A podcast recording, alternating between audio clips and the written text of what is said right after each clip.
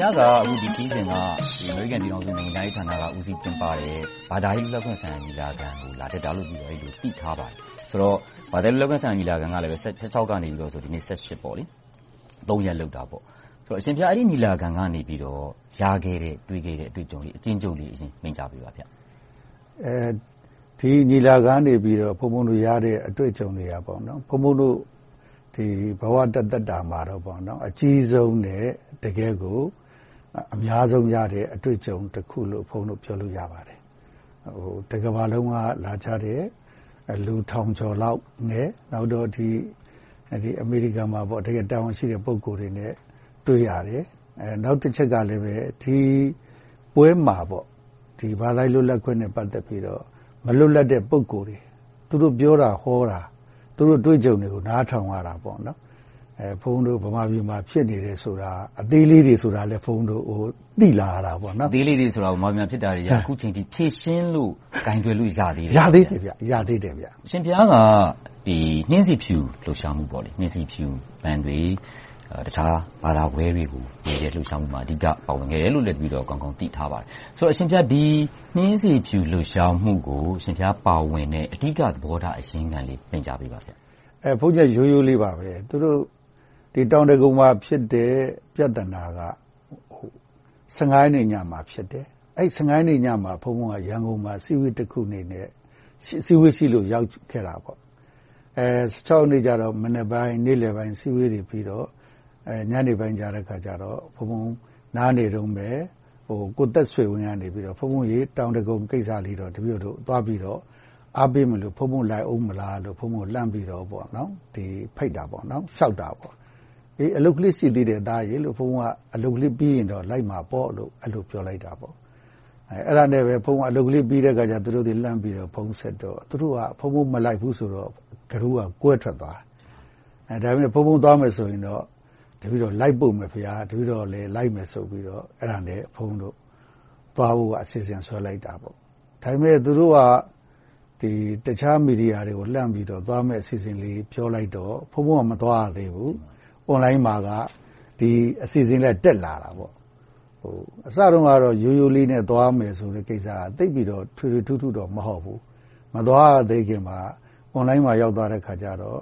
ရန်ကုန်မှာရှိကြတဲ့ဘုန်းဘုန်းရဲ့မိတ်ဆွေတွေကလှမ်းပြီးတော့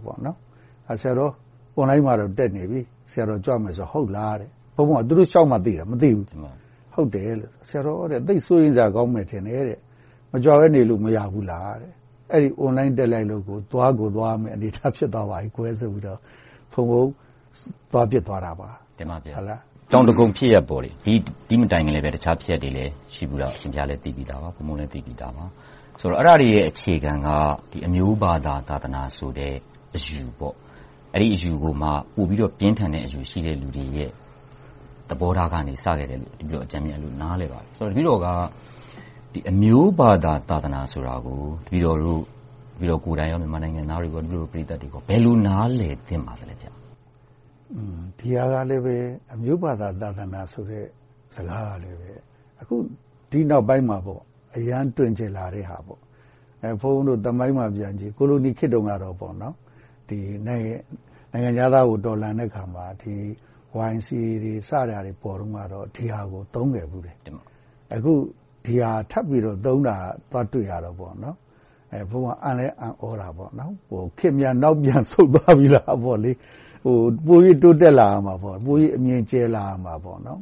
ကြီးကအမြင်ကကျဉ်းသွားပြီးတော့ဒါကြီးထပ်သုံးတော့ဘုန်းဘုန်းကပြုံးလည်းပြုံးဖြစ်တယ်။တကယ့်တကယ်ကြတော့အမျိုးဘာသာသာသနာဆိုတာကတော့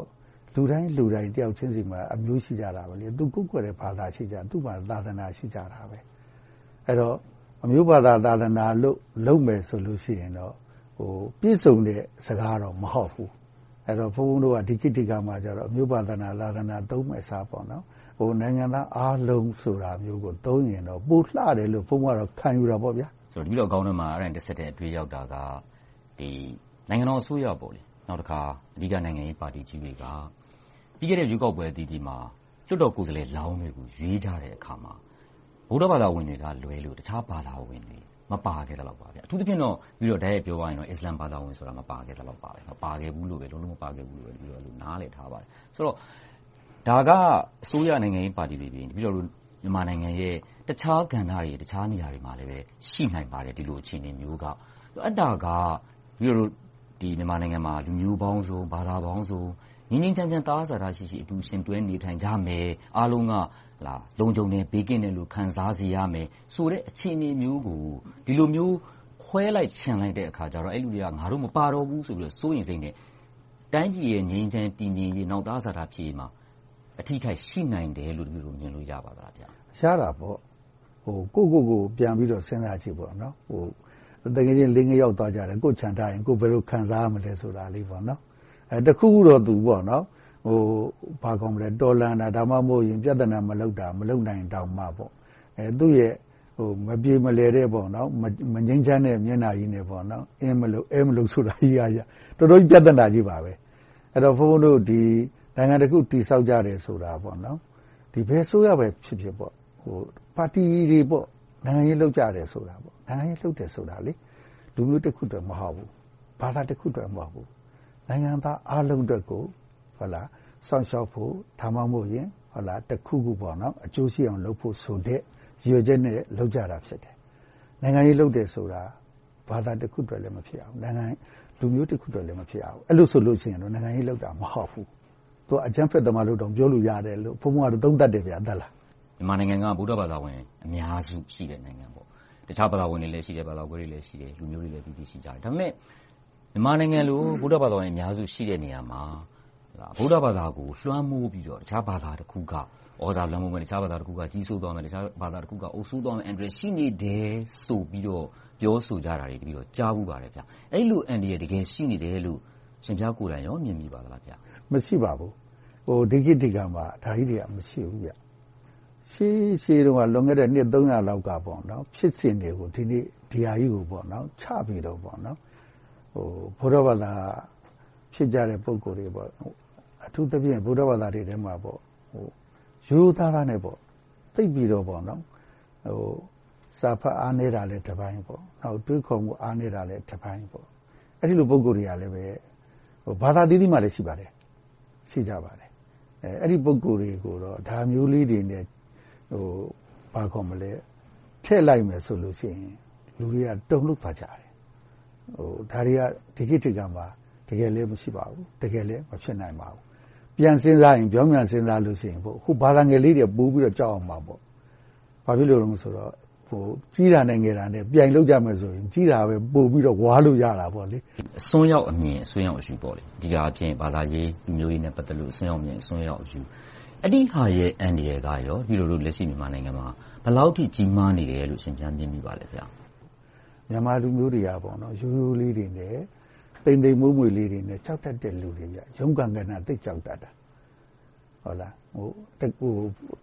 ဘုန်းတို့၈၈ပဲဖြစ်ဖြစ်၊ရွှေဝါရောင်ပဲဖြစ်ဖြစ်သေနတ်လေးတချက်ဖောက်လိုက်ရင်များစွာသောလူတွေထဲကအနည်းငယ်လောက်ပဲကျန်တာတော့တွေ့ရတယ်။သိပ်ပြီးတော့ရုန်းကန်ခဏတို့၊ဖမ်းဆီးခံရမှာကိုသိပ်ကြောက်ကြပါတယ်။အဲဒီတော့ဥပဒေစိုးမိုးအောင်၊တရားဥပဒေစိုးမိုးအောင်လုပ်နိုင်ခဲ့မယ်ဆိုရင်တော့ဒါကဘာမှစိုးရိမ်စရာမရှိပါဘူး။ သဘောထား ပြင်းထန်တဲ့လူတွေရဲ့ အသံနဲ့ သဘောထား မပြင်းထန်ဘူး၊သဘောထား အလယ်အလတ်၊သဘောထား ပျော့ပျောင်းတဲ့လူတွေဆိုရင်အဲဒီလိုလူမျိုးတွေရဲ့ အသံဆိုရင် သဘောထား ပြင်းထန်တဲ့ လူတွေရဲ့ အသံက ပိုကျယ်ပါတယ်။သဘောထား ပြင်းထန်တဲ့ လူတွေရဲ့ အသံက ပိုကျယ်တော့ လူတွေ